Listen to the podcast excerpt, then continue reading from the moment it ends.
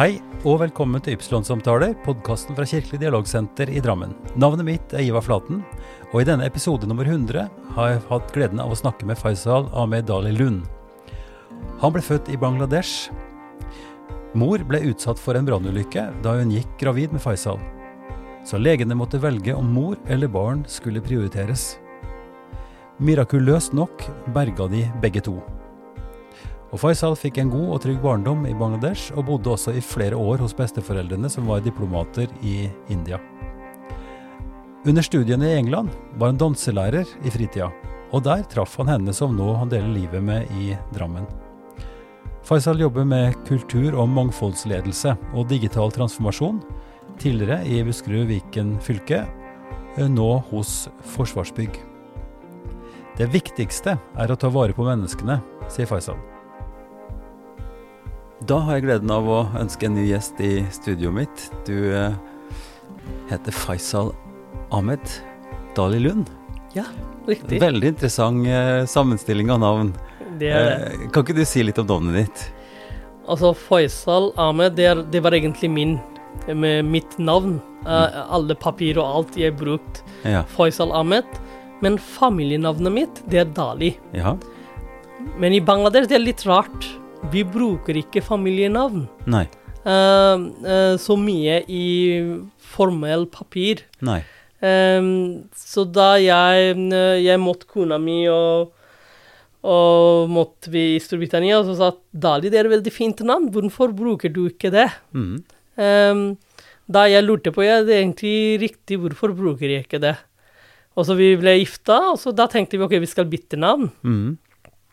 Så da tenkte vi ok, kan vi ikke bare kombinere eh, mitt familienavn og kona mis eh, familienavn er Lund? Ja. Så da vi kombinerte det, rett og slett. Så det betyr rett og slett at det er en, eh, en kombinasjon av eh, et, en uvanlig skikk i Bangladesh med å bruke familienavn, Ja, og med et norsk familienavn så ble det, så ble det eh, Faisal Ahmed Dali Lund. ja. Veldig bra. Og du, og du forteller at, og du har skrevet også, eh, at du møtte kona di i, i England, i London. Mm. Og det var ikke noe veldig tilfeldig møte, for du var rett og slett eh, danselærer. ja, riktig. Så du er Hvor kommer dansen fra? Er det noe som du har lært som voksen, voksen, eller er det noe som du Ja, starta med jeg var alltid interessert i dans. Mm. Og i Bangladesh du har også curriculum activities, og jeg var interessert i dans og musikk og sånn. Mm. Og min far, han var også mm, Han var um, Han hadde en del um, teater, acting, som en Uh, Ok. actor. Ja, som Eh, skuespiller? Ja, skuespiller, så kanskje det kom fra ham, da. Ja. Så da jeg flytta til Storbritannia uh, og jeg studerte der, eh, så jeg tenkte ok, jeg skal gå til en dansekurs. Altså, jeg allerede dansa jibes, cha-cha-cha, bachata, alt. Eh, Mer sånn standarddanser? standarddansa. Eh, men da jeg gikk til en danseskole, det var eh, latin, Mm. Så jeg, og gikk noen kurs der, eller tok noen klasse. Mm. Og så jeg spurte danselærer, eller hovedperson, eh, da, der har du lyst til å være danselærer og gi undervisning for middle Ja, level? ja, ja. Eh, jeg sa ja. så, så da jeg holdt på egentlig på min fritid, da det er to-tre ganger i uka på kveldstid, eh, da jeg studerte, så da jeg holdt, holdt, holdt med det da, Ja. Uh, fem år tror jeg, ja. i Storbritannia, så Veldig, det var- veldig, veldig interessant. Altså, fordi det er jo uh, ut ifra en sånn skal vi si, konvensjonell, uh, enkel tenkning som et menneske som meg har, så vil jeg nå si at, at Bangladesh også har en helt særegen stil, kanskje. Altså Mm. at man har eh, klassiske eller, eller tradisjonelle danser som er noe annet enn enn disse eh, vestlige standarddansene. Det er det. Dansa du også som barn? Husker du det? Jeg husker ikke, men jeg var alltid Jeg husker jeg var alltid interessert i musikk Ja. og dans generelt. Mm. Eh, Jeg var, jeg var fan av eh, Michael Jackson da jeg var liten. ja. Han, han, var en, eh, han er en måte i stor helter. Eh, og det var en veldig morsom historie da Michael Jackson døde, da. Mm. Jeg og kona mi, vi, vi var på to toget Ja. i London. ja. Så hun tok en avise Altså, jeg, jeg, det var avise i, i togene. Fordi i London det er veldig vanlig at uh, avisene blir liggende i togene, så alle Ja. kan bare lese dem. Ja. Så det var en avise, så det var fra sida det var sa Michael Jackson er død. Så da jeg spurte kona mi tilfeldig Mm. Er det en eh, Var det en joke? Um, jeg spurte kona mi, da. Ja, ja, Um, eller er det egentlig virkeligheten? ja, Kona mi fortsatt snakker om det. ja. For jeg var, jeg var sjokt, ikke sant? Ja, Um, ja fordi at uh, det var veldig uventet. ja. Mm. Og, og så da hun fortsatt snakker om Ja, du, du sa at er det en joke, eller er det virkelig Ja. eh, han er død? Men uh, når man leser i avisa, da man stoler på det da, men jeg Ja. kunne ikke i den øyeblikket jeg kunne ikke Nei, du kunne ikke tro på det. tro på det. Nei. Så, um, Så han betydde mye for deg som musiker, og han hadde jo også en veldig Han utvikla også dans. Ja. Disse movesene han hadde på Ja, scenen, ikke sant? sånn moonwalking. Ja, riktig. Eh, jeg er jo altfor gammel til å på en måte ha noe med det å gjøre, men jeg husker jo de bevegelsene og hvor kult eh, det så ut. Han var, han var en helter for meg da jeg var liten. Ja. Eh, og se han danse. Mm.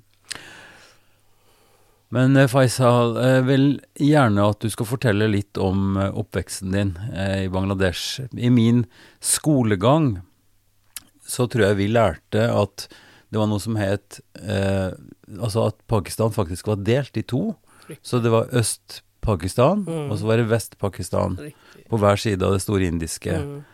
nasjonen. Og, og det som da het Øst-Pakistan, det heter nå Bangladesh. Bangladesh. Riktig. En, eh, en meget folkerik nasjon. Ja. Kan ikke du fortelle litt om eh, altså hvor du vokste opp hen, og litt om oppveksten din der? ja, altså jeg vokste opp i eh, Det heter Munchigonj. -hmm. Det er en by utenfor hovedst hovedstedet, Mhm. som heter Dhaka. Mm.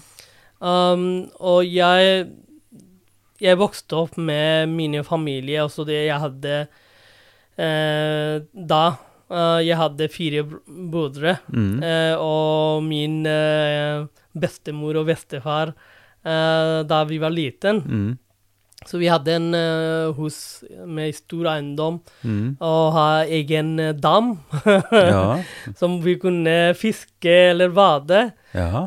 Hadde masse mm, mangotrær og kokostrær og forskjellige typer frukttrær. ja. Så, så i en måte det er min oppveksten min, da. ja. Ha um, God plass rundt deg. god plass rundt Kunne meg. leke, hadde folk rundt deg, hadde det fint. Ja. Ja. Det, det alltid hadde det fint med familien. ja. Uh, hva arbeidet foreldrene dine med? Uh, min far, han, uh, han jobbet med forskjellige ting. Uh, han var forretningsmann. Mhm. Eh, han også jobbet som hva heter det, han, eh, amerikansk firma som heter Golden Life Insurance, som Ja.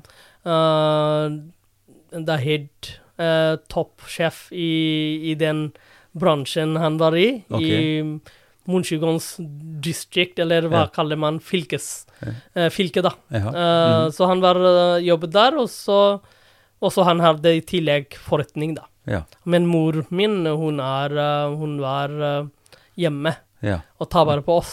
Men det betyr at, at, eh, at dere må kunne sies å være en velstående familie, at dere hadde god råd, at dere kunne ha en Mm. god levemåte. Ja, det, var, det hadde vi. Det Ja. hadde vi også. Familien min det er en diplomatfamilie i tillegg. Aha, Så det betyr at jeg også bodde fem år i India Okay. da jeg var liten. Mhm. eh, Delhi og Kelkata eh, med bestemoren min. Aha. Eh, så det var en veldig tragisk historie, egentlig. Um, da moren min hun var gravid, Mhm. og det var åtte, syv måneder, tror jeg, uh, og hun hadde en kjempestor ulykke. Ok. Uh, hele kroppen hennes blir brent. Uff da. Uh, og da, da hun hadde hjemmeleger og alt mulig, og de sa at det er ikke mulig at, det, at hun skal leve, først og fremst. Og jeg, det var ikke, ikke snakk om det, ikke nei, sant? Nei. Så de, de en måte tok henne til India og få flere mm, en måte medisiner Altså, det, det, var, det var snakk om forbrenning, så hun måtte transplantere hud sikkert, og at det var sånne At det var store sånne operasjoner. Ja, og så Mm. hun hadde jeg, jeg husker fortsatt uh, Mona mi fortalte da vi liten, og da vi var liten, vi også så fortsatt hennes bein Ja. og hele fra den siden Mm. fortsatt er, um, er uh, hvitt. Mm. Fordi det aldri Så hun sa at uh, min bestemor sa de måtte henge opp beina hennes Mhm. fra taket, Ja. og de bare uh, Blå bare de bare renner ut fra de Ah. beina. Så de, de tok flere måneder Mm. uh, for å en måte hun, hun skal bli bra, og hun var i sykehus mange år, egentlig. Mm. Så derfor jeg ble, Så etter at jeg har fått, Ja. uh, da jeg var uh, ni måneder, tror jeg, Ja. og bestemor min tok meg. ja. Så, så det er en måte, det historien de fortsatt forteller, at jeg lever, det er en det er en egentlig Et De under. vet ikke hva, men Et det er mirakel. kanskje noen ja, ja, ja. mirakel. For du var det barnet som uh, moren din skulle føde da hun fikk den skaden? Ja. Ja. Så da jeg var ni, hun var syv måneder gravide med meg, Ja. og hele sykehuset, det er ikke mulig. Vi, vi skal prøve, og så de, de sa til min far Mm. hvem vi skal fokusere på. Ha. det er din kone eller mm. barn? Ja. For det er ikke mulig å kanskje redde begge, Nei. men sannsynlig at barn ikke lever uansett. Mm. Så da de sa ja, selvsagt, det må være kona mi. Mm. Mm. Men uh, heldigvis mirakel at vi begge levde. Så Begge, be, be, begge overlevde. ja, begge Ja. overlevde. Fantastisk. Så det er um, Så det er, det er fortsatt en måte veldig Når jeg snakker om det, eller hører mora mi, det er veldig Du blir en måte rått, da. Ja, det kan jeg skjønne. Mm. Så hun, hun fikk altså hjelp til å kunne bli bra igjen, og, Ja. og, og lever fortsatt? Lever fortsatt. Fantastisk. Lever fortsatt. Du må nesten si litt mer også om, eh, om Bangladesh, fordi det er jo en veldig folkerik nasjon. Mm. Um, hvor, sto, hvor stor var den byen omtrent? Altså Dhaka er jo kjempestor, men den byen du bodde, hvor, hvor mange mennesker cirka? eh, Da jeg bodde Jeg flytta til uh, i Storbritannia da jeg var 17-18 år gammel. Aha. for videreutdanning, så jeg egentlig bodde utenfor Bangladesh nå Ja. enn i Bangladesh. Men Ja. da jeg bodde, da var det mange hadde mye plass. Det Munchigons. Mm -hmm. uh, og jeg starte å bli allerede blir mer og mer eh, folkerike, eller blir ja, ja. compact. Mm, mm. Eh, I Bangladesh totalt det er 170 millioner, ja. ikke sant? Mm. I Dhaka det kanskje bor uh, 30 millioner. ja. Eh, Utrolig svært. så det er, det er veldig Og Munchigons også blir veldig nå Uh, Det er flere uh, i Munchigons nå enn da jeg bodde der, Ja. da jeg var liten. Mm. Um, så ja, så det, det blir eh, veldig folkerike, men det er Altså Bangladesh, det er en ung nasjon, Mm. ikke sant? Mm. Det, vi fikk eh, eh, fri fr- fra Pakistan i 1971. Ja. Ehm, og det er også Vi har den historien. altså vi, vi er veldig stolt av vår språk og vår kultur. Mm. Fordi da ble vi delt i Pakistan, Mm. da vi var del av Pakistan. Mm. Ehm, og det var um, Vi hadde en del eh, konflikter. Politiske konflikter og Ja. så videre og så videre, men det er sånn det er hele tida. Men, mm. men da Pakistan-myndighet da sa at um, urdu skal også være nasjonalspråk også for Øst-Pakistan, Mhm. da kunne vi ikke Nei, så det ble et, en, en årsak til at man ville frigjøre seg. det er en av de årsakene som egentlig startet hele Ja. krigen. Og så da For når jeg ser, når jeg ser på, på din CV, eh, vi er jo på LinkedIn, Ja. så står det at Bangla eh, er et språk, Ja. og det vil være det språket som er Bangladesh sitt nasjonalspråk. Og du snakker også hindi, Ja. eh, og sannsynligvis urdu Ja. også, Ja. og engelsk, ja engelsk. og norsk. Ja. Så du har måttet lære deg mange språk. ja, og som sagt, jeg bodde i, bodde i ja, Mor min og hele familien de snakker veldig bra hindi. hindi. -hmm. De bodde i India 15 år. Ja. De studerte i India mm på grunn av min bestefar. Han jobbet i diplomat. Ja, ja. Uh, det er sammen med bestemoren min, og jeg også bodde i Storbritannia med min bestemor og onkel, mhm. fordi han var i, da i diplomat i London. ja, ja, akkurat. Så, så på grunn av det, det er også en eh, vi, De måtte lære fordi de gikk til skolen, og så jeg også lærte fordi jeg bodde fem år. Mm. Og i Bangladesh veldig mange kan snakke hindi og urdu. Ja. Um, jeg er jo interessert i også å høre litt om hvordan eh, oppveksten din var i forhold til den kulturbakgrunnen. Ja. Navnet ditt er jo åpenbart eh, eh, islamsk, eller ikke Ja. sant? Du har eh, både Faisal og, og Ahmed. Mm. Eh, hvordan preget det barndommen din? Altså forholdet til tro og til religion? Altså, jeg Hvis jeg snak, snakker om da jeg var liten eh, Jeg hadde de områder vi bodde, og i skolen vi gikk, Mm.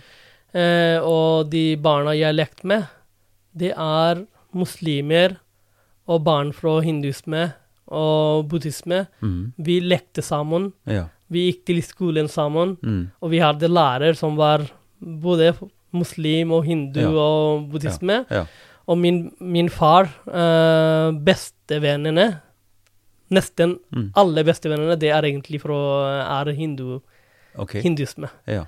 Så vi hadde en måte, altså vi feira deres eh, religiøse dager, og de også kom til oss og feire med Ja. oss Ja. eh, muslimske dager. Så vi har en måte den, den troen vi har. Vi er um, Jeg har tro på at alle prøver å gjøre det sin beste, og vi er Mhm. mennesker. Vi må ta vare på hverandre. ja.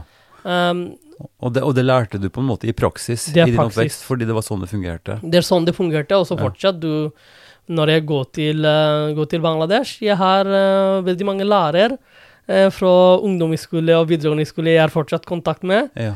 Eh, og jeg liker dem veldig godt, så Mm. de, vi fortsatt har en uh, dialog med dem. Og Ja. de er fortsatt uh, hindu, da. Ja. Ja. Og i Bangladesh, jeg vet ikke Jeg tror ikke veldig mange vet om det. Det er Bangladesh. Det er et land som, som har fridager for alle religioner. Fridager. Alle religioner har fridager, Mhm. uansett hvis man er muslim eller hindu eller kristian. Ja. Jeg feirer, eller jeg har på jobben min, Mm. da jeg har fridager for uh, Christmas ja. og de hinduisme, realisme og Ja. for buddhisme. Nettopp. Så det er for alle for Ja. det. Eh, Og det, det betyr altså Nå har ikke jeg studert eller lest veldig mye om staten, men, men eh, eh, Bangladesh fremstår som en sekulær stat, Mm. eh, som da har Som legger til rette for et mangfold hvor, hvor de forskjellige blir anerkjent som altså, Så det er ikke slik som ja, man, må- Dessverre så ser man at, at India virker til å bli mer og mer hindunasjonalistisk. Ja. Eh, og det er også ganske strengt i, i Pakistan, ikke sant? ja. Vi er midt imellom, si det sånn, fordi Ja, vi er en nasjon som Vi var del av India, ikke sant? ja, Og vi er en nasjon som ble preget av veldig mange eh, forretningsmessige relasjoner. mm, Vi hadde relasjon i 1100-1200-tallet med portugis, portugiserne. ja. Vi hadde med forretning med Dutch Mm, og så videre. Og Ja. så kom uh, i Storbritannia, mhm. som heter West uh, East. Mm. East India Company. Yes. Mm. Det er egentlig East India, det er Bangladesh. Ja, ja. Mm. Vi er East India. Mm. Mm. Så vi er en måte En måte alle det blir Blir vant til å Ja. Jobbe med å se uh, og Mm. ha forretnings med andre kultur, da. Mm. Sånn. Og så kom araberne, og så kom til Bangladesh Mm. eh, etter eh, andre. Så det, det er veldig mye flytning, men Bangladesh opprinnelig, historisk, det er en hindusme-land. Ja. -hmm. Opprinnelig. Mm. Men da også kom misjonærene fra her og der, og så Ja, den, den, den- historien er jo både kompleks og veldig lang. Ikke Ja. sant? Hvordan k- kombinasjonen av eh, imperialisme og kolonialismen Ja. og, og misjonsbevegelsene, hvordan Ja, de også har virket sammen på, kan man si, også veldig uheldige eh, måter. Så dette er jo en lang Nesten som en frigjøringshistorie Ja, også, både på det afrikanske kontinentet og, og også i Asia, hvor Men det er klart, vi bærer jo disse tradisjonene med oss, og jeg vil jo tro at eh, det å leve opp Og det er andre gjester jeg har hatt i podkasten også som beskriver det veldig levende, hvordan det er å, vokse opp i, i byområder hvor alle de ulike templene og, og Mm. religionene lever helt på kryss og tvers, Ja. hvor det er som du sier, at man er med på å feire hverandres eh, eh, helligdager og, Ja, det det. og, og um, lever midt oppi det uten at en føler det som en konflikt. Det er det, altså. Det, altså det, det er flere som Det er tidligere da jeg flytta til Storbritannia. Noen venner stilte meg spørsmål, det samme spørsmål. Hva, er det noen konflikt Mhm. i Bangladesh? Mm, Uh, mus, det er en muslims uh, land, mm, uh, men vi har også veldig mange hindusme Mm. eh, og kristian og buddhisme. mm, har, er det noen konflikt, eller er det noen uenighet? Så jeg, sa til dem veldig ofte at egentlig når du stiller det spørsmål til meg, mm. Jeg tenker egentlig, jeg har ikke tenkt på de spørsmålet Nei, for. nei, nettopp. Uh, det var ikke del av min tankesett Nei, at det skal være sånn. nei. Vi bare levd sammen, lekt sammen, Ja. og bli venner sammen, og studerte sammen, og så. Og du vet, for, sikkert for en eh, britisk, eh, britisk eh, person, og for en norsk også, så er jo vår historie i Norge i hvert fall så, eh, så enhetlig. Mm. Ikke sant? Vi har levd i hundrevis av år med én en statsreligion, og, og hvor Mm. kristendommen og Den norske kirke da, først og fremst har vært enerådende. Mm. Eh, Så det er nok vanskelig å, å forestille seg dette, at man ser en slags konflikt eller en Mm. motsetning mellom ulike tradisjoner, og ser på det som en potensiell fare. Ja. Eh, og i, i vår eh, for så vidt ellers nokså liberale grunnlov fra Mm. 1814, så var det jo en, en, en passus der om at jøder ikke hadde tilgang til riket, f.eks. Eller katol katolikker, da, Ja. sånn som jesuittene. Så det, det skjer jo mye. Men jeg tror både spørsmålet eh, kommer ut ifra en sånn historie, at man er interessert i det, eh, og at man nå ser at det er potensielt store farer med å koble nasjonalisme og politiske ambisjoner er- med religion. Fordi at det blir en slags samlende kraft som, som splitter folk, og som Det det. skaper eh, frykt. Og det, det er vi jo kjent med, dessverre, gjennom både skal vi si, nokså ferske erfaringer. Ja, er eh, og, og vi ser en type polariseringsvirksomhet som ofte også er knytta opp mot, mot religiøse Ja, det er veldig uheldig, da. Det du også forklarer, det som skjer. Man polaris polariserer ting Ja, uh, unødvendig, mm, og påvirker folk, ikke sant?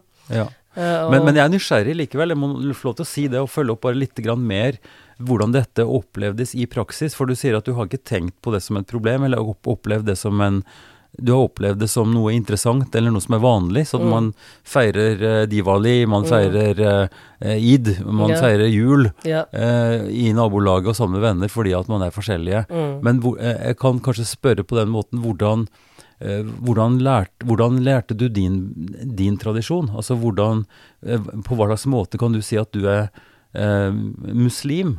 Eh, Hva slags betydning har det begrepet sånn for din personlige del? Ikke som motsetning til andre, men Nei. for du, du er jo noe. Ja. Som et resultat av hvem du er opptatt som. Ja, det er helt riktig. Altså det, jeg tror den jeg, jeg lærte om at jeg er muslim, det er kanskje familie eh, som Fordi de sier at de er muslim, Mm. og de, mm, de også tror på Gud, Mm. eh, eller Allah, vi Mm. kaller det. Mm. Så det, det er kanskje den, kanskje den Fordi de har praktisert det, Ja. og de også prøvde å, å, å undervise det til oss, da. Ja. Så Mm. det er tror det som har gjort at jeg også tror den måten. ja. Men Mm. samtidig det er også den, eh, den tankesett de som foreldre som også påvirker oss, det er at fordi de hadde også venner fra andre religioner, da. Mm. Og de, de feiret ting sammen, Mm. inviterte hverandre. Mm. Da har vi også lært at ja, vi har Jeg har min tro, Mm. og de har sin egen tro. Mm. Og vi, vi må fortsatt respektere hverandre. Ja. Jeg tror det, den er um, Den sitter Mm. uh, fortsatt uh, i hele oppvoksten, oppvoksten vårt, da. Ja. At, Eh, var det en spesiell moské dere gikk til i nabolaget? Altså, eller var det først og fremst hjemme dere praktiserte? vi også hadde mosk. Det hadde ja, vi. Ja. Det hadde vi. De- også Familien min, de var ikke så Altså i Bangladesh, det er kanskje Hvis du ikke har vært der Vi er ikke så Så en måte veldig strenge Nei. i ting at vi må pushe, og alle må ha en hijab eller Mm, mhm. ha de tingene. Vi er eh, vi, vi i Bangladesh, vi har tradisjon. Vi har shari, -hmm. som er nasjonal uh, kledd. Mhm. Eh, og har eh, men, eh, mannene, de har lungi, som er også veldig nasjonalt. Ja. Så vi Så sari, det er dette lange klesstykket som Ja. kvinnene svøper seg i. Ja. Eh, og lungi, hva er det? Det er en, eh, en en stor um, uh, Hva heter det? Teppa Mhm. med masse fargerike monster, og Ja. du bare knyter seg. Ja, ja, du Sånn. knyter rundt livet. Slags, Ja. slags klede rundt livet. Ja. Mm. Så vi, vi en måte Vi har våre, våre kulturelle ting som vi Ja. Og, det, og, og det går tvers over alle, alle som bor i landet, Ja. uavhengig av hvilken Ja. tilhørighet. Ja, nettopp. I uavhengig av hvilken nivå de er i. Du skal se en person tar på seg lungi når de er hjemme. ja, de føler seg mer komfortable med det, da. ja, ja. Mm. Og slappe av. Men går med, med dress og Ja, jobb. på jobb. Ja, Ja. nettopp. Ehm, veldig interessant. Og så Det er jo fascinerende at uh, din familie også hadde uh, oppgaver internasjonalt, slik at du ble vant til å, å Ja. både være i, i India, både i Delhi og, Ja, Calcutta. og, og Calcutta, ja. Og så til London, altså en verdensby, et sentrum for uh, Mm. alle slags ja, både business og, Ja, og skole og alt mulig. Så når du kom dit, så var det for å utdanne deg. Det er det. Hadde du da bestemt deg ut ifra det du Der du kom fra? Visste du hva du ville? Hva du ønska å oppnå med utdanningen din? Jeg visste ikke det, hvis jeg var ærlig. Mm. Eh, jeg, var i, jeg, var i, jeg var i universitetet i Bangladesh mm -hmm. for å gjøre min eh, bachelorgrad i applied physics. Så jeg var etterutdanning fra, fra universitetet i Bangladesh, applied physics, og så søkte jeg Og apl altså applied physics, eh, for oss som er litt dumme i hodet, hva betyr det i praksis? Altså det betyr at hvordan du skal um, uh, Construction, hvordan du skal kombinere ting og finne nye løsninger. Og, ja. og det handler om, om f.eks. Uh, hvilken energinivå du skal bruke, og hvilken motstand du får. Ja. Um, sånne type ting, da. ja. Mm. Som Newton man kjenner veldig til. Så det er Newton også har mye på applied physics-del. Ja, ja, ja. Så det er da, da jeg studerte der, og så jeg var egentlig i Bangladesh, det er også vanlig at man må søke for å jobbe i Forsvaret. Mhm. Så da jeg var i prosessen eh, i, med Sjøforsvaret for å bli eh, Jeg vet ikke hva det er på norsk. Second lieutenant. Jeg tror det er Henrik eller Fredrik. Fe Fenrik, tenker jeg. Fenrik. Det er Fenrik. Ja, ja. Så jeg var i prosessen for å starte å jobbe med det, da. Mm. Og samtidig jeg søkte for å gjøre videreutdanning i Storbritannia. Mm. Så derfor de, jeg tror det er også påvirka fra min familie, fordi min onkel og bestemor bodde i London da. Ja, ja. Uh, så jeg fikk en måte den, og så tenkte jeg ok, da reiser jeg til Storbritannia og gjør min utdanning. ja. Jeg startet uh, først og fremst med business Mm administration. uh, jeg studerte to år, Mm. bachelorgrad. Mm. Men siste år jeg ombestemte meg å jobbe, gjøre en, eh, en bachelorgrad i, i strategiske ledelse Jaha. eh, i Oxford Brooks Universitet i Oxford. Mm. Så da fokuserte jeg kultur- og endringledelse. Ja. nettopp. Så det er en måte jeg, jeg ombestemte meg etter to år, Mm. Eh, for det var eh, siste år, da. Så det, Men, men det var jo mye overlapp der. Altså businessadministrasjon og endringsledelse. ja, det, Eh, det er det. Kulturell ledelse. Det er, og det skulle jo tro at du var godt kvalifisert da, for å kunne bidra på det, som hadde den bakgrunnen. Ja. I et så skal vi si, flerkulturelt og så dynamisk ja. oppvekstmiljø. Ja, det, det var veldig interessant for meg også å, å fokusere på den en, så spesielt endring og kulturledelse. Mm. Fordi å studere folk og kultur, det er ikke lett. Det er kompleks. Mm. Og det er ikke bare at eh, en, et land har eh, for, Forskjellige land har forskjellig kultur.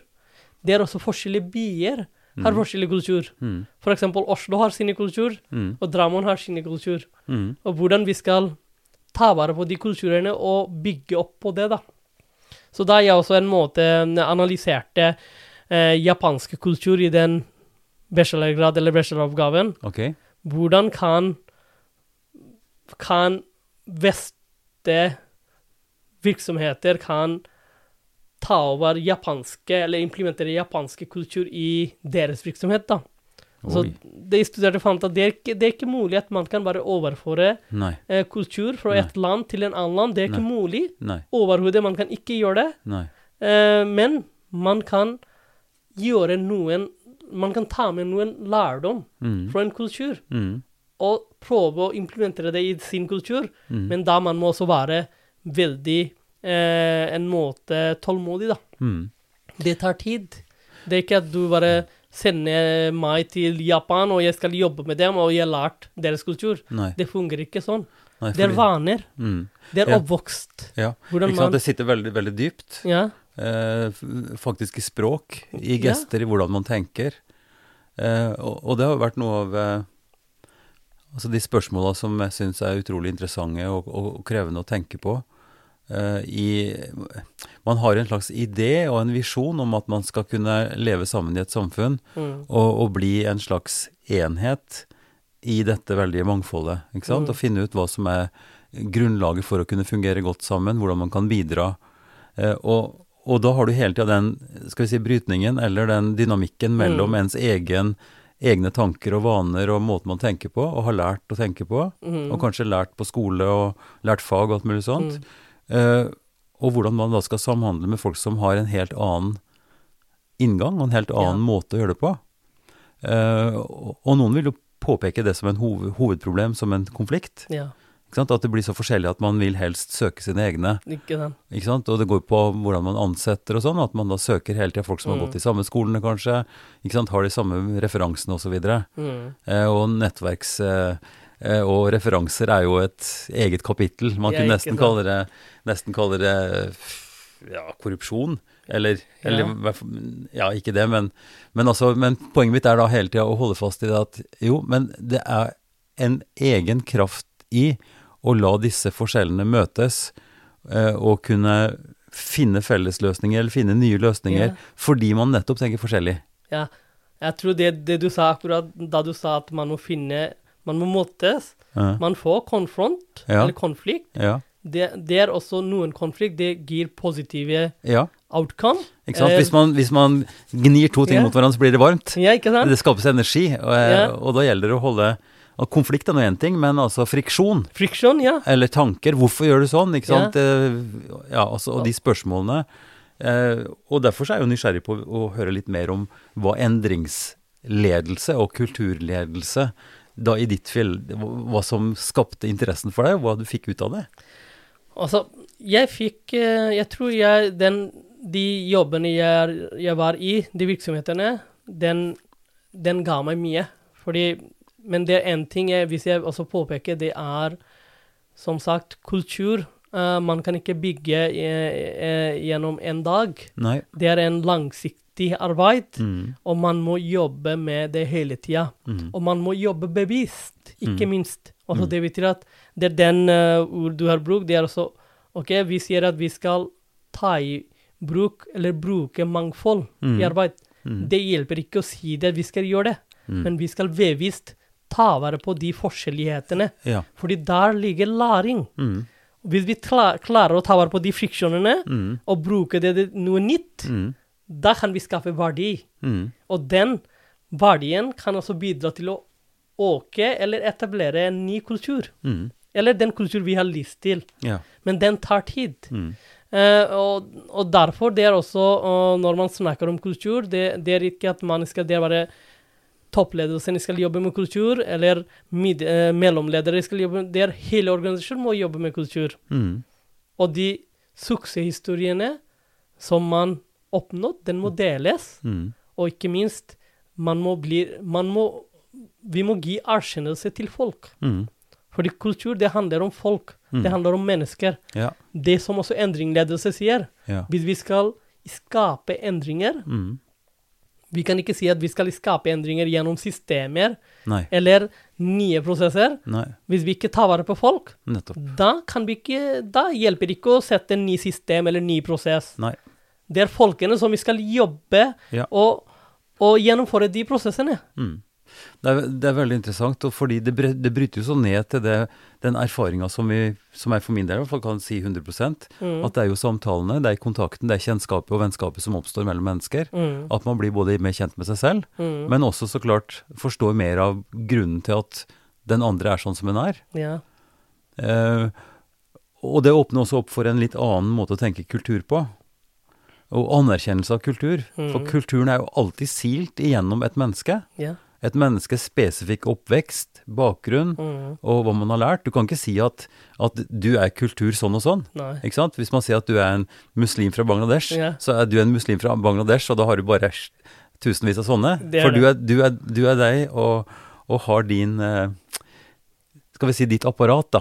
Mm. Dine, dine følelser, ditt, din kunnskap, dine erfaringer, som skaper en helt, helt spesifikk legering av alle Ja. disse tingene på en gang. Ja, det er det. Og hvis man forstår det, og både kan eh, en, en av mine kjepphester, jeg vet ikke om du er enig i det, men en av mine kjepphester er at man har et ansvar også for å kjenne seg selv bedre.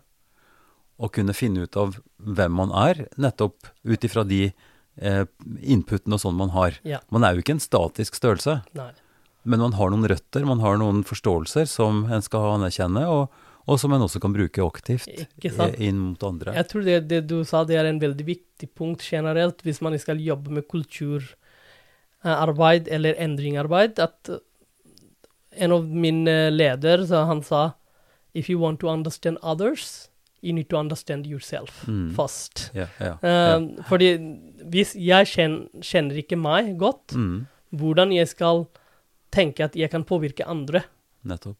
eller hvordan kan jeg kreve at jeg skal også kjenne andre, Mm, da, da har jeg ikke den eh, krav, mm, eh, eller den eh, hva man kaller comfort zone, da, mm. eh, og, og jobbe med andre, da. Fordi da jeg vet, jeg må vite om de gode tingene jeg er, jeg er god på, Mm, og de negative tingene som jeg er ikke så god på. mm, Så da jeg vet, ok, Iver, han er god på den og den og den del, mm, da kanskje vi kan samarbeide, mm, fordi da jeg vet de tingene jeg er ikke god på, mm, du er god på. mm. Så da blir det en, en aktiv handling. Ja. Da ser vi at det er en eh, win-win-situasjon for begge, Mm, for oss. Så da blir vi mer involvert og engasjert og motivert. mm, Så det er en måte, som du sa, det er kultur, det er menneskene vi snakker om. mm, Det er ikke bare kultur, et land, det er individkultur. mm, Jeg har min egen kultur. mm. Ja. Fortsatt, jeg er fra Bangladesh, men jeg er forskjell fra alle 170 millioner bangladeshere enn Ja. uh, en meg. Ja. Vi er ikke samme. Nei. En god venn som dessverre nå er død, han, eh, han sa veldig klokt at man skal være forsiktig med sin identitet. Mm. Um, eh, han har bakgrunn, hadde bakgrunn i, i Bosnia, og så hvor, hvor eksplosivt uh, vanskelig det ble. Ja. Ikke sant? Med en nasjon som besto av ulike Ja, er det. identiteter, men hvor nasjonalisme og politikk eh, gradvis rev de fra hverandre. Eh, så spørsmålet er jo også eh, vi, skal, vi skal ikke idyllisere det, det, eh, det individuelle her, fordi man er avhengig av en gruppe. Mm. Man er avhengig av et språk og et fellesskap. Eh, og, og det gjør meg også nysgjerrig på å spørre litt eh, for din del. Altså, fins det noe, noe Bangla-miljø her, eller, eller er- hvordan, hvordan får du næring til, eller inspirasjon? Må du tilbake til Bangladesh, eller hvordan er det? Det er et veldig godt spørsmål, egentlig. Um, uh, også vanskelig spørsmål, til og Mm, med. Um, I Norge vi er ikke så i stor miljø. Eh, jeg tror da jeg flytta til Norge, eh, det var eller 2000 eller i 2014-2015, jeg, jeg søkte på internett. Mhm. Det er totalt 500 bangladeshere som bodde i Norge, og veldig mange bodde i, Stavanger. Aha. Fordi de jobbet i olje- og Ja, ja. Uh, gassbransjen. og det var totalt ti personer i Drammen. så i den måten, det er ikke så stor miljø her. Nei, nei. Men da jeg en måte, det, det du sa, hvordan jeg skal få en, Fordi en kultur, eh, en posit, positiv kultur, da, Mm. gir også energi tilbake Ja, til ja. Menneskene, Mhm. som også bidrar til at jeg blir motivert og engasjert Mhm. og gjøre noe annet. Mm. Um, så jeg gleder meg å gå til Bangladesh, eller jeg snakker med familien Ja. uh, og foreldrene og brorene mine. Ja. Den måten Noen ganger jeg kanskje snakker uh, Jeg glemmer at jeg snakker nesten to timer. Ja. Uh, fortsatt telefon Ja, ja. og Skype og alt mulig, men Ja. det er, den også gir energi. Ja visst. Um, Og jeg, da jeg vet fortsatt hvor jeg kommer fra. Mm. Uh, også da du sa røttene dine, ikke sant? Mm. Ja, det er mine foreldrene. Mm. Jeg kom fra dem, Mm. og jeg har en uh, rutt i Bangladesh, Ja. og jeg har familie. Um, så den også fortsatt gir energi, da. Men Ja. i Storbritannia, da hadde jeg en bangla, bangla det- I stor bangla-miljø. Der var det større, det vil jeg tro. Mm. Ja, ja. Men eh, det var jo salsaen som eh, gjorde at du traff kona di. Riktig. Og så må du jo ha funnet ut av det kulturmøtet på en eller annen måte. Mm. For da var dere begge studenter i, i en metropol Ja. i, i London. Men så fikk du ble du kjæreste, dere gifta dere, du ble hetende Lund, Ja. eh, og flytta til Norge etter hvert. ja. Hvordan hadde det kulturmøtet vært, syns du? Den kulturmåten ble ikke så i stor friksjon, hvis jeg sier det. Nei. Det er flere grunner til det. Mm. Uh, ja, kanskje det er eh, bakgrunnen min og foreldrene mine, fordi vi, de er en diplomatfamilie, og min uh, onkel til far han har bodd i South Africa og flere andre land, og yeah. jeg bodde i India, Mhm. og så bodde i Storbritannia. Yeah. Men den, en annen ting som eh, jeg tenker veldig ofte, uh, det er den dansing. Hjelper meg mye. Og en måte Måte andre kultur. Mhm. Og lære om hvordan man skal kommunisere med andre folk og andre mennesker fra andre religion eller andre bakgrunn. Mm. Der jeg er landlærer, det, var veldig mange forskjellige land fra Mm. forskjellige uh, Øst-Europa eller arabisk eller Mhm. hvor som helst. Yeah. London det er en kjempemetropolitan by. Ja. Veldig mange kunne ikke snakke engelsk. Nei. Men fortsatt, jeg som lærer måtte gi dem de ja, ja, tipsene og ta dem hele gruppa med meg, da. ja, mm, Og gjøre de tingene jeg har lyst til at de skal gjøre. ja, ja. Så jeg måtte kommunisere en eller annen måte. Mm. ja. De forstår ikke engelsk, Nei. noen av dem. Nei. Men hvordan jeg skal kommunisere med mm. dem, da. Mm. Så jeg måtte tilpasse meg. Mm. Og den Jeg tror endringledelse igjen, endringledelse og kulturledelse, den også handler om tilpasningsdyktig mm. eh, evne til å tilpasse. Mm. Fordi hvis man skal møte en ny kultur, eller man skal også bli eh, gift, Mm. det er også en kulturell friksjon. Yes. Det kan være samme land. Ja, ja, ja. Fortsatt, du har forskjellige tankesett, ja, absolutt. forskjellig mening. Hvordan du skal håndtere den friksjonen, ja. er veldig viktig. ikke sant? Så Mm. jeg tror det den, den dansingen ga meg mye. Mm. Eh, og, og jeg oppfordrer veldig mange også når jeg snakker med folk. Hvis du har mulighet til å gjøre noe ekstra, mm. gjerne gjør det Mm. på fritiden. Mm. Fordi der du lærer mye, Mhm. der kan du kanskje praktisere de tingene du lærer til og med. Ja, ja. Um, Men, men eh, jeg er jo nysgjerrig på Vi snakker jo nå i Drammensområdet. ikke sant? Det er liksom nedslagsfeltet for denne podkasten, først og fremst. Eh, eller samtalepartnerne. Og, og, og, og Drammen er jo stolt av å være en, en eh, flerkulturell by, ikke sant? Med, Mm. med alle disse ulike menneskene som bor sammen. Eh, så det er, jo, det er jo interessant å høre, tenker jeg, mer spesifikt også, hvordan var det å komme til Drammen utenfra? Selv om du da hadde kjæreste og var godt etablert og var Mm. godt i vant med mangfold osv. Hvordan framstår Drammen for en som kommer utenfra? ja, det, For, for din del, altså sånn som du opplevde det? For min del, da jeg kom til Det er kanskje den, en forskjell jeg kan snakke om nå. Mm. Da jeg først kom til Norge, det var 2007, Aha. med kona mi. Mm. Jeg, hun var ikke kona da, da. Nei. Hun var eh, kjæreste. Ja. Så jeg kom her, og de er eh, eller svigerforeldrene, de kom eh, De kom også og hentet fra flyplassen. Mm. Og da jeg landa i Drammen, Mm. gikk ut fra bilen, jeg sa med en gang Å, det er heaven. Det er himmelen, rett og slett. ja. Hvorfor det? Jeg tror det Jeg sa det fordi det var så stille, ikke så mye bråk, Aha. og det var så mye plass. Ja. Og det er den forskjellen jeg fortsatt snakker om veldig ofte. Altså svigermor min, hun snakker nesten uh, mange ganger Ja. uh, fortsatt at uh, det jeg sa med en gang. Mm. Og fordi jeg bodde i, Jeg er fra, opprinnelig fra Dhaka. Mm. Det er i storby. Mm. Men jeg er vant til å bo i et uh, land, altså et uh, by som had, vi hadde mye plass. Ja. Mm. Og, og oppvokst med leke ute og ja. dusje og bade i ja. ja.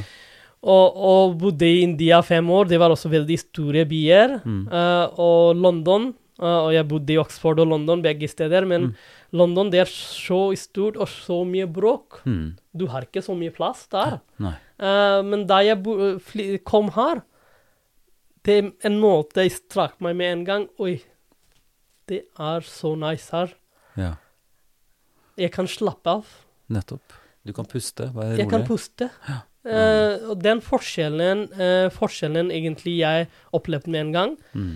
Uh, men når det gjelder Dramon sin helhet, Mm. eh, kanskje jeg ikke snakker så mye om Jeg startet min egen firma Mm. I 2008 eh, i Norge, fra yeah. Storbritannia. Ja.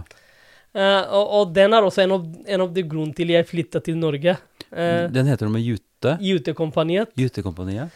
Så den også da jeg startet å ha dialog med folk og, og, og forskjellige bedrifter osv. Mm. Uh, da hadde jeg et eh, pilotprosjekt Mm. i 2008 Mm. med 'Jeg elsker Drammen' Ja. på. Ja.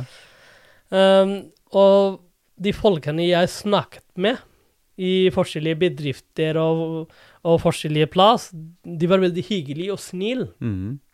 Uh, uh, det, det er en ting jeg har opplevd veldig med da. De er veldig snille og åpne Mm. og ærlige. Mm. Uh, og det er en stor forskjell eh, mellom Storbritannia og Norge. Okay.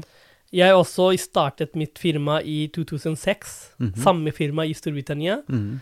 Men eh, det var ikke en lykke. Eh, det var ikke suksess. Nei. Eh, og i den prosessen jeg også hadde pratet med forskjellige bedrifter, og du, du får en måte et svar. Mm. De bedriftene at ja, vi skal se på det, og vi, du kommer tilbake, og veldig byråkratisk prosess. Mm. Men i Norge, da jeg startet den prosessen, samme prosess igjen, Mm. og etablerer eget firma, de er mer åpen og ærlig svar. Ok. De sa nei, vi trenger ikke det, vi vil ikke ha det. Mm. Ferdig. Mm. Og de ting, og, men de andre, de som var interessert, de sa oi, det er en god idé. Mm. Kanskje vi ser på Mm. og kommer tilbake innen en uke eller noen dager. Mm. Og de kom tilbake. Ja. Og den ærligheten, jeg tror det er Det er en stor Hva jeg ser Stor positiv uh, for Norge. Den tilliten. Ja. Den kultur jeg tror Norge har. Mm. Det er en veldig, veldig viktig og god uh, verdi Mm. eh, i egenskap. Mm. At den tilliten, at man stoler på hverandre Mm. og være ærlig. Eh, så den, den jeg opplevd egentlig veldig god måte, da. Men eh, altså, kona mi hun har ikke så stor familie, hun har enebarn. Ja. Så, og mor hennes var ene, er enebarn.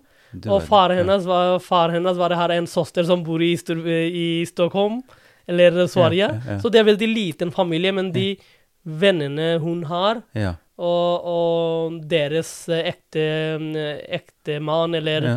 Mm. deres eh, kone Mm. videre, de, de, de var veldig imøtekommende. Mhm. Eh, Så, det, så det var, du følte det som uh, Ok, det var enkelt eller godt å kunne komme også Ja. inn i det sosiale? Det er det jeg opplevde. Også jeg studerte samtidig da, da jeg Mm. Ja, kom. ja. Jeg startet å studere min mastergrad i Norge. Men der var det litt kulturell uh, preg. Eh, I Storbritannia det var veldig vanlig når du studerer, studerer sammen. Du bare sitter sammen Ja. stor gruppe Ja. av og til. Ja. Eh, men i Norge, det jeg har opplevd eh, i, i universitet, at Mm. du har de gamle gruppene. De fortsatt holder som gamle gruppe. ja. Og det er veldig vanskelig, Vanskelig å komme inn? vanskelig å komme inn. Mm. Eh, men det jeg forstår, jeg tror det er kanskje alle land har det, Mm. en eller annen måte. Mm. Når man har de nettverkene og vennene man trenger, Mm. hvorfor te skal man komplisere mer? Ja, det kan um, si. ikke sant? Så jeg, jeg forstår det, Mm. men det er også en, en forskjell jeg en måte opplevd, da. Mm. som var litt eh, annerledes enn um, en i Storbritannia. fordi der er det mye åpen Du en måte involverer i flere grupper og sånn. Men jeg tror det er ikke en negativ. Jeg tror det er, uh, har egen Mm. forklaring og eh, en måte grunn til det, da. Dette har vært en eh, mangfoldig samtale. Eh, en samtale om kulturmøter og, og om hva som skjer når man snakker sammen og kan finne ut av løsninger sammen. Eh, tusen takk for en fin samtale, og, og lykke til med ditt videre arbeid i, i utvikling både av digitale løsninger og, og av gode løsninger i ledelse. Så tusen takk, eh, Faisal Ahmed Tali Lund. Takk. Takk skal du ha. Det var hyggelig å være med. Open this gate. Nordmenn tror på Gud, Tear down Allah, this wall. altet og ingenting. Da er jeg glad for å kunne ha Per Erik Brodal med meg i dag, som eh, jobber som prest i, og som sogneprest i Bragernes kirke, som er en av medlemmene i Drammen omegn tro- og livssynsforum. Eh, per Erik, hvordan vil du kort beskrive Bragernes menighet eh, i Drammen? Ja, Bragernes menighet er jo en eh, menighet som består av sånn rett i underkant av 8000 medlemmer eh, i Den norske kirke. Eh, og så har, tenker jeg at Bragernes kirke har litt den der dobbeltfunksjonen at det både er en menighetskirke som er eh, for de som bor her, men også et sted for hele byen, i og med at det ligger sånn til som det gjør. liksom Øverst på torget og, og, lett synlig. Eh, så det, det gjør at vi får en sånn eh, dobbeltfunksjon, kan du si. da. Eh, og det er klart at um, noe av det viktigste sånn som skjer som et sånn hovedpulsslag uh, i kirka der, det er, uh, er de gudstjenestene som er på, uh, på søndagene. Så har vi noen mindre gudstjenester gjennom uka, og så er kirka veldig mye åpen. Mhm. og det er tenkning at vi ønsker at rommet skal være tilgjengelig for mange, og ikke bare for medlemmer, men alle, for alle som ønsker å, å ta en tur innom.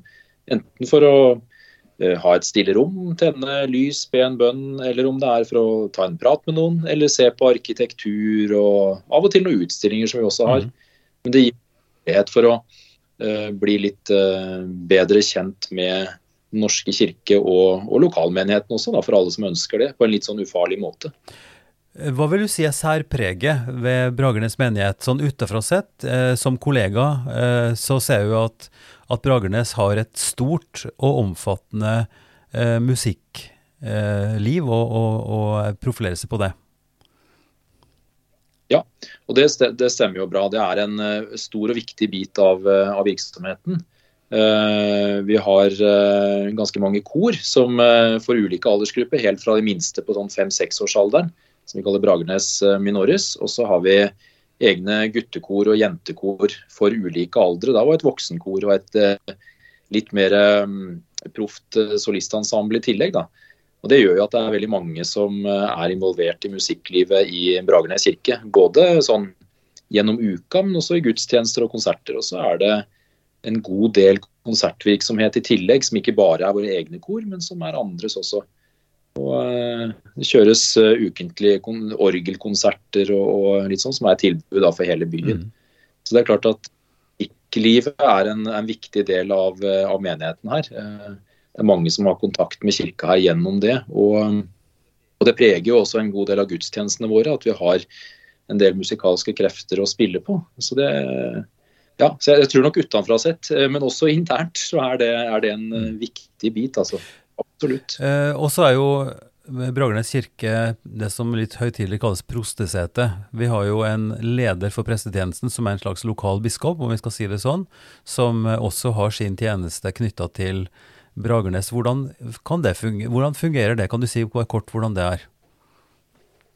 Det, det betyr jo at, eh, at prosten, da, som du sier er leder for, for prestetjenesten i eh, området her, han eh, har, eh, er litt innom og har noen gudstjenester her i løpet av året, sånn eh, fast. Og i tillegg så, så er det en del større felles gudstjenester og felles samlinger for, eh, for hele området, da, for Den norske kirke, som legges hit. Så det er vel kanskje liksom det viktigste sånn sett. Um, og det er også når det er når bispedømmet skal ha noe for området her, så er det gjerne hit det legges, selv om det ikke alltid er sånn, men ofte, da. Mm. Eh, Bragernes er jo en stor stab, dere er flere medarbeidere. Kan ikke du si kort eh, hvordan staben er bygd opp, og hva som er arbeidsområdene deres? Bare ganske kort. Det skal jeg prøve å gjøre det Ja. kort. Vi har to kirketjenere som har ansvar for, for selve bygget og legge til rette for alt som skal foregå der. Så har vi en diakon som eh, har eh, ansvar for å si det litt kort, for det som har med omsorgsarbeidet i menigheten å gjøre. Og en kateket som har eh, ansvar for opplæring av barn og unge. Eh, Så har vi en koordinator for Åpen kirke som eh, sørger for at vi har vakter til å holde kirka åpen og litt sånne ting. Og så driver vi med utleie av menighetshuset, som er et bygg til vi har. Så har vi skal vi se, nå har vi fire kantorer, to i fullstilling og to i deltidsstillinger, som, som er de som har ansvar for musikklivet. Både korvirksomhet og alt det andre av musikk, både i gudstjenester og, og, på andre områder. Og så er vi eh, to prester pluss prosten da, som, eh, som er her. Som eh, har ansvar for prestetjenesten og, eh, holde gudstjenester, samtaler, en del sånne ting. Eh, Og I tillegg så har vi en, eh, en driftsleder som heter, som er på en måte vaktmesterfunksjon for, for byggene våre, sånn utenom kirka. Dette er jo som Eh, en uh, liten, eh, rett og slett som en liten bedrift. Uh, antageligvis den største staben i, i Den norske kirke i, i vårt prosti.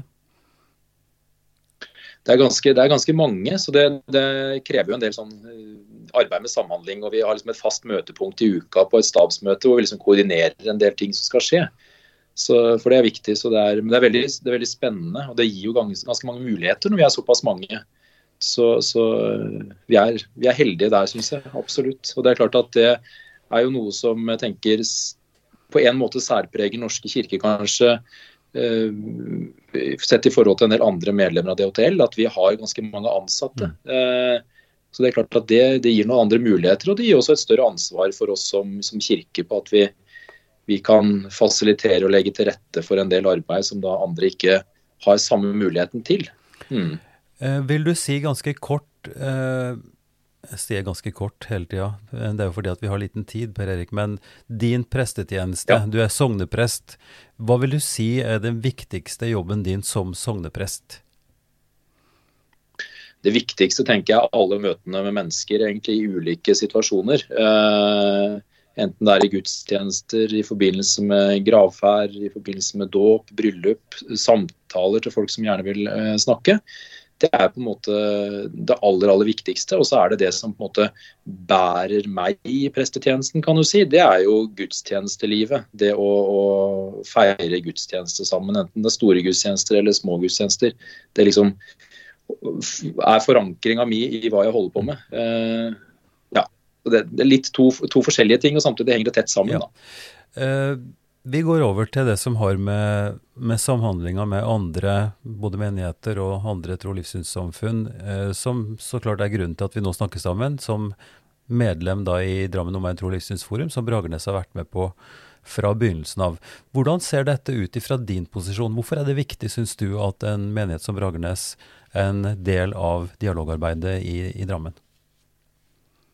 Jeg tenker det er viktig at eh, både Bragernes menighet og andre, andre menigheter og trossamfunn er, eh, er sammen om det her. Fordi vi er helt avhengige av å bygge broer, tenker jeg. Eh, bli bedre, bedre kjent med hverandre og bygge ned en del fordommer som kan ligge der. Det er kjempeviktig. For når vi blir kjent, så ser vi at vi er, vi er mennesker som kan tro på ulike ting eller forholde oss til ulike livssyn, men, men vi er først og fremst mennesker. Og mye er felles. og det å det å på en måte bygge forståelse og det å bli bedre kjent med hverandre tenker jeg er helt sånn grunnleggende. Og så er det, vi, og vi har jo sett det i noen, eh, dessverre på en måte, eh, i noen episoder hvor det har vært angrep på ulike gudshus. Hvor, eh, hvor den her kjennskapen og, og det arbeidet som DHTL har gjort, har medført at vi, vi, vi, vi stiller opp for hverandre og, og på en måte viser at sånn som den aksjonen som var sammen i bønn, tenker jeg noe veldig på, på hva det arbeidet hotell har ført til av brobygging. Eh, For vi ser det at eh, enkelthandlinger av mennesker innenfor en tros- og livssynssammenheng handler om enkeltmennesker. Det handler ikke om tro den livssyn eller religion. Da. Og Sånne ting tenker jeg er ekstremt viktig. Mm. Så jeg tenker Det er en sånn kombinasjon av at vi blir bedre kjent med hverandre, og det at vi kan være tydelige på vårt eget ståsted inn i, inn i den eh, sammenhengen der. da. Det, det var kort, kort, fortalt, men ja. ja. Nei, men Det gir mening, absolutt. Og det er jo sånn at Bragernes også er nabo, altså nærme naboer til, til, flere andre grupperinger. Vil du si litt om erfaringen av, av, av samhandling som dere har hatt lokalt? Ja, det nærmeste samarbeidet lokalt det har nok eh, vært med den katolske kirka St. Laurentius, som, hvor vi har hatt en del felles eh, ting i løpet av året. Bl.a. skal vi ha felles palmeprosesjon nå på palmesøndag. og vi har noen sånne kveldsbønner i løpet av adventstida og noen andre enkeltpunkter. Eh, men vi ser jo også sånn, sånn som under denne aksjonen sammen, sammen i bønn, at det, det er naturlig da ikke sant, å stille opp f.eks. med den lokale moskeen her eh, for å vise solidaritet når, de, når muslimer andre steder har blitt ramma av en terroraksjon og, og, sånne ting. Og så tror jeg at vi har veldig mye å gå på og, liksom ha den der kontakten i det daglige, eller ja, mer jevnt enn en akkurat når det er større arrangementer. Og der, eh, der merker en jo fort at en blir liksom fanga av hverdagen og alt som skal gjøres. og så kan en ha gode intensjoner, og så blir det litt med det. Så jeg tror der er det å tenke, Men jeg tenker at DHTL er et sted som er med å legge litt til rette for det her, her også, da, fordi terskelen er nok lavere enn om vi ikke hadde hatt de møteplassene der. Men der tror jeg, i hvert fall for egen del, har jeg mye å gå på der. Eh, til slutt så har jeg lyst til å peke på det som skjer rundt kirka. Eh, for eh, Snakk om møteplass og, og, en mulighet for å kunne være sammen om veldig praktiske ting. Dere har jo opparbeida en hage, en grønnsak, eh, Ja. Si litt om det til slutt. Ja, det er eh, diakonen vår som har stått i bresjen for et sånt dyrkeprosjekt som vi har i, i eh, Kirkeparken. Og noe av eh, hensikten der er jo også å lage en møteplass. Eh, og mm, Der ble drives bl.a. noe språkpraksis og språktrening der. ved at eh, mennesker som opprinnelig har et annet morsmål, kan komme og være med og bidra med sin kunnskap og, og ja, og arbeid og på en måte møte andre. Og så har vi noen andre frivillige som er med og kan være med å trene opp litt i norsk ikke sant? i samtaler og, og bli kjent og rett og slett bygge relasjoner der òg. Det, liksom det handler jo litt om å ha en unnskyldning for å møtes på en måte, og ha noe å drive felles. Da blir det litt lettere. Veldig fint. Eh, tida vår er over. Per Erik, takk for eh, at du stilte opp, og lykke til med arbeidet både med Kirkehagen og med musikklivet og med det som skjer i kirka ellers. Tusen takk skal du ha. Takk for at vi fikk eh, bidra. Podkasten Ypsilon-samtaler ble starta i januar i 2020, og nå har vi runda 100 episoder. For dere som har lyst til å høre på noen av de tidligere episodene, så er det bare å slå opp på www.ypsilonsamtaler.no. Der det er en oversikt over alle som har vært med, både med en liten video og tekst, og da tilgang til podkastsamtalen. Podkasten er støtta av Barne- og familiedepartementet, av IMDi gjennom Drammen kommune og av NR Juels legat. Vi er glade for tilbakemeldinger. Send gjerne en e-post til Ivar, krøllalfa, kirkeligdialogsenter.no. Vi høres.